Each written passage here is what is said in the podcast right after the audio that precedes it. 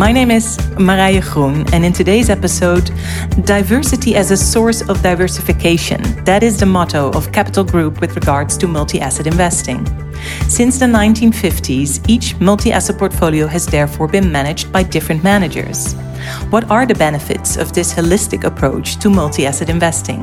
That is something I'll discuss today with Julie Dixon, Investment Director at Capital Group. Julie, thank you so much for joining us. Thank you for having me. Thank you.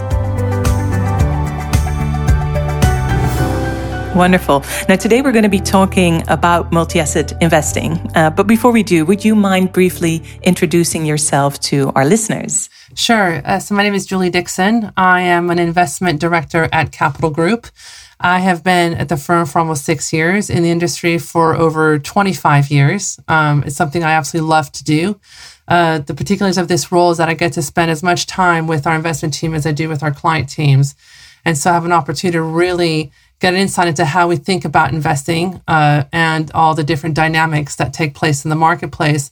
And at the same time, also understand what is it that you know the clients are thinking about or investors are thinking about what problems are they trying to solve and trying to bridge those two areas it's very exciting okay julie let's let's start at the beginning what does asset allocation mean in today's world well gosh that's a really um, that's a really interesting question um, and quite a complex one in some ways too, uh, simply because of the environment we find ourselves in today. Um, a year ago, in fact, 18 months ago, we probably would have been talking about it very differently uh, than we are now. Uh, you know, within a post-pandemic world, as economies are continue to recalibrate and readjust, if you will, uh, to a new normal, uh, following a pretty severe global lockdown uh, certainly um, there are opportunities, but also challenges across all asset classes. And uh, equities and fixed income and asset allocation are not going to be exceptions to this. And so, in our view, as with everything at Capital Group, we try and we aim and we generally achieve in maintaining a very long term view. Um, and so, when we look into the future, we're thinking about not how deep that valley goes, but what's on the other side of that valley once the market recovers and who are going to be the winners and the losers. And within that, you have growth, as is typical for equities.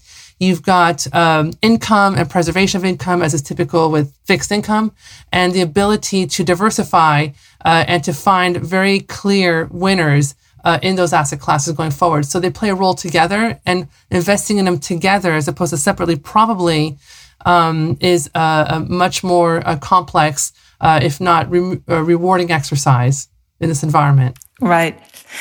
Now, a key theme uh, for many investors today is inflation uh, and its impact on asset allocation. What is your view on inflation, Julie? Well, we don't have a house view at Capital Group because we have many mul- uh, multiple uh, investment managers doing different things at different times in their portfolios.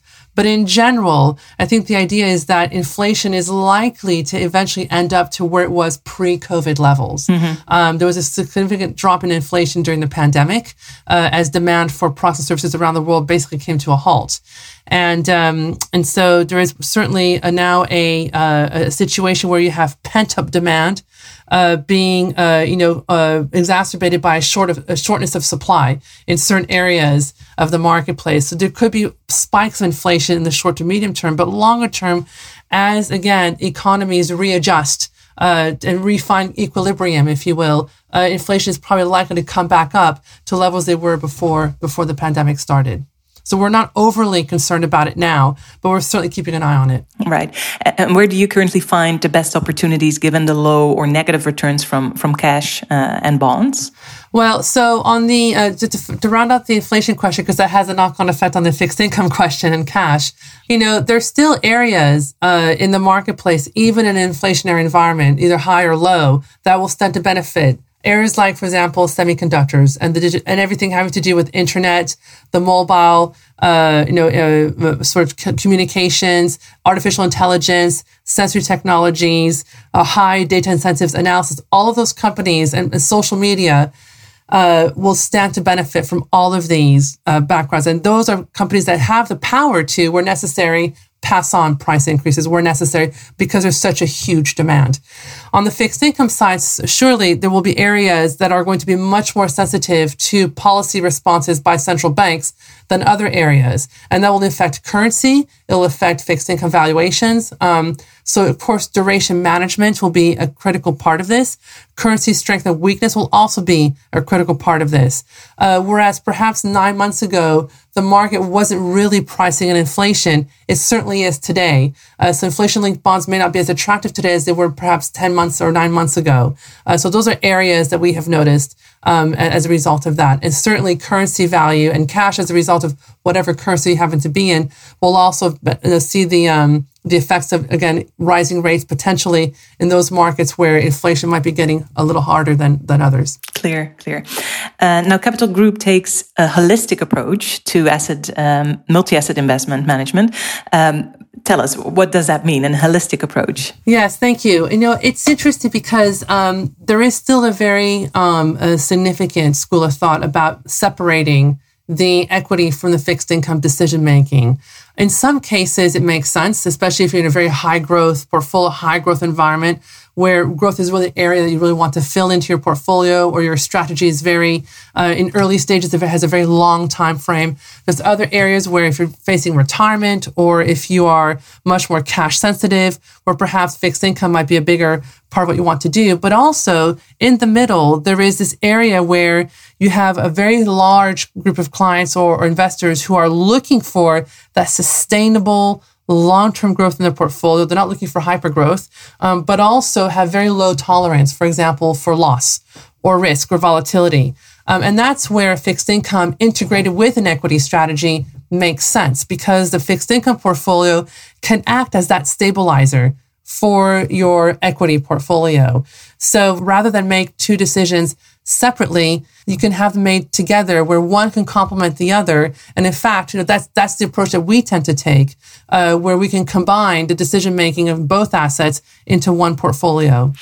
Um, the, the multi-asset portfolios at Capital Group are divided into segments that are managed independently by individual managers via the capital system. And tell us, what is the philosophy behind this? Yeah, thank you. Again, it goes back to make try to make that decision about where and when, you know, to invest in equities versus bonds. And some of the things that we've learned over the many years that we've been around doing this, we've been doing this since 1973, uh, is that it's almost impossible to get your timing between equities and fixed income right all the time. And then whether you're switching to equities or fixed income, when to do it and for how long to do it. Uh, because and in today's world where markets are, are absorbing information and news far more quickly than they ever have before, where you now have machine learning and artificial you know, sort of trading or robotic trading going on in the marketplace where things move very quickly. It's very difficult to make those kinds of investment decisions. Um, the second thing is uh, we want uh, at Capital Group, our, our equity and fixed income research analysts work very closely together, especially when looking at corporates and credits, but also uh, the equity analysts rely, our portfolio managers rely quite a lot on um, the research of our fixed income analysts, especially our macroeconomists, in terms of currency impacts, in terms of government regulation potential impacts, um, in terms of any sort of bond risk uh, that could potentially uh, impact the knock-on effects of the financing of a particular company that they happen to be investing in. So all these things are interlinked. And so the ability for a portfolio managers to build a portfolio. And again, it's true. Uh, we build things holistically in the sense that each portfolio manager is responsible for their own investment sleeve. Uh, and we can talk about that in a minute, but to achieve those long-term results, they have some of them have the ability to invest in equities, but also in bonds. So they not only can look for that growth and take on that equity risk, but actually supplement it with a bond portfolio or not one or two bonds or maybe more than that to counterweight this risk of portfolio without necessarily sacrificing either growth or income. And it's that art and that science that allows us to have this combined approach that is both holistic, but also considers all the facets of what's going on in the marketplace. Yeah. You said it already. The portfolios managers have a mandate to invest for the long term. Um, maybe a bit more on how that works in, in practice. Sure. So, uh, so one of our portfolios has, for example, six portfolio managers. Two are fixed income and four are referred to as balanced managers, where their predominant investment is in equities, but they also invest in bonds to either manage risk or shore up income in their portfolio. And the reason why we do it this way is that there is no one single way to do this. Uh, some might want to have 80% equities and, fi- and 20% fixed income. Others more like 70 30. Um, others might have a little bit more, a little bit less. Uh, some might think of risk in a very different way into their equities in terms of they like the, the, growth, but there could be volatility. Others may like the growth, but they don't have enough income. So they're having different fixed income securities in their portfolio. There's no two, there's no one way to invest in that way. So what we do is we allow each of those four portfolio managers to invest in their own sleeves. They are, they are remunerated over the long term in the sense that their incentive is based on the results of their own investment sleeves measured over eight years then five years, then three years, then one year, with the largest weight on the eight year result. So they have no incentive to make a very short term market timing oriented or momentum chasing bet in their portfolio because that one year has a very little impact versus the eight year results that they have in there. So it's really important for them to really think about in the long term. And because they all have slightly different approaches, there's no CIO at Capital Group in the sense that there is a person who has a risk management oversight, but the investment decision making oversight is actually based on each of the portfolio managers' own convictions. And so they will invest according to where they see the long term opportunity, where they see the short or medium term risk in the portfolio, where their exposures are, where their convictions are in terms of industry or country or individual companies. And then they will build their portfolio bottom up based on those convictions. So what you end up with is four different investment sleeves alongside fixed income that are effectively driving the asset allocation. Um, but where the asset allocation is not being held to just one person making that decision. And that takes away all that key person risk associated with having to make all those decisions all the time and having to get it right at least 55 or 60% of the time to make any meaningful impact. And we found that it's that approach that not only delivers a really stable portfolio, um, but it also allows mistakes to happen without having significant impacts to the overall holdings or the performance of the fund. And I think that's a really key aspect of asset allocation exercises. Yeah, let's let's talk a bit more about uh, building uh, those portfolios. Um, what would you say? Because you said everyone does it differently. Your four portfolio managers have their their own liberty, but there must be maybe one key to success that applies to all of them. The key to success is that long term nature and also the freedom to actually invest where they want. Hmm. So we do have some guardrails. They manage their own company in a way. Well, they manage their own little portfolio in a way. Yeah. That's really how it works. Hmm. And they yeah. have. Um, so there are certain guardrails and investment, internal investment guidelines that they have to meet, which is, uh, which if you ever enumerate them, they sound very normal, very you know, straightforward. Uh, but actually, it's the the portfolio manager's freedom to invest where they see fit. They have to be long only. That's obvious. Um, but they have that freedom. The one key thing that they have to be is true to their individual investment style. So each one of those portfolio managers has a slightly different approach uh, in very simple terms, although it doesn't quite work this way, but in simple terms, you might have two portfolio managers. One is value, one is growth. You might have one that's large cap, one that's more small cap oriented. And that's okay. We don't all want them to be clones because we don't all, all want them to be making mistakes at the same time, for example, exactly, or making, yeah. you know, an unfortunately bad investment decisions as yeah. will happen in a portfolio manager's career. Of course. Um, yeah. We want them to diversify each other but we want them to invest with conviction. So you want you have one portfolio manager who's got 20 holdings, one who's got just under 50 holdings, and that's okay. Uh, you have an overlap of maybe about 25%. And again, that's normal because they have the same objective. After that, the key to success is that they need to invest as and where they see opportunities, and that's up to them. Mm. Um, how does your research driven approach to the various asset classes come together in, in a multi asset portfolio? And how do you ensure a consistent vision all out? So, the key here is that there is no consistent vision all out because each portfolio manager will have their own views on, uh, on, the market outlook. They have the same objectives. That's consistent. And you have a portfolio manager on the team who acts as the risk manager who ensures and who does a review on a regular basis, plus a very formal annual review of the fund. To ensure his name is um, his role is called the principal investment officer, and he um, is responsible for ensuring that in aggregate the portfolio's holdings are consistent with the objectives. He's also trying to ensure that each of the portfolio managers are staying true to their styles. So there is a consistency of, let's say, overlap or correlations amongst the portfolio managers. Um, and that the overall results are also consistent with the market dynamics that we're seeing uh, today and, and, and going forward. So that's his main role. So that's the first thing. So each of the portfolio managers uh, will then go to weekly research meetings with the analysts who will present their new ideas uh, for potential for potential investment. Many of the analysts are involved in investing in research portfolios and other funds, so they're not only just giving you an idea, but they're putting that idea to work with real money, and that really changes the conviction level of an analyst with a portfolio manager, as opposed to giving an idea, hoping that it works well, and then walking away from it.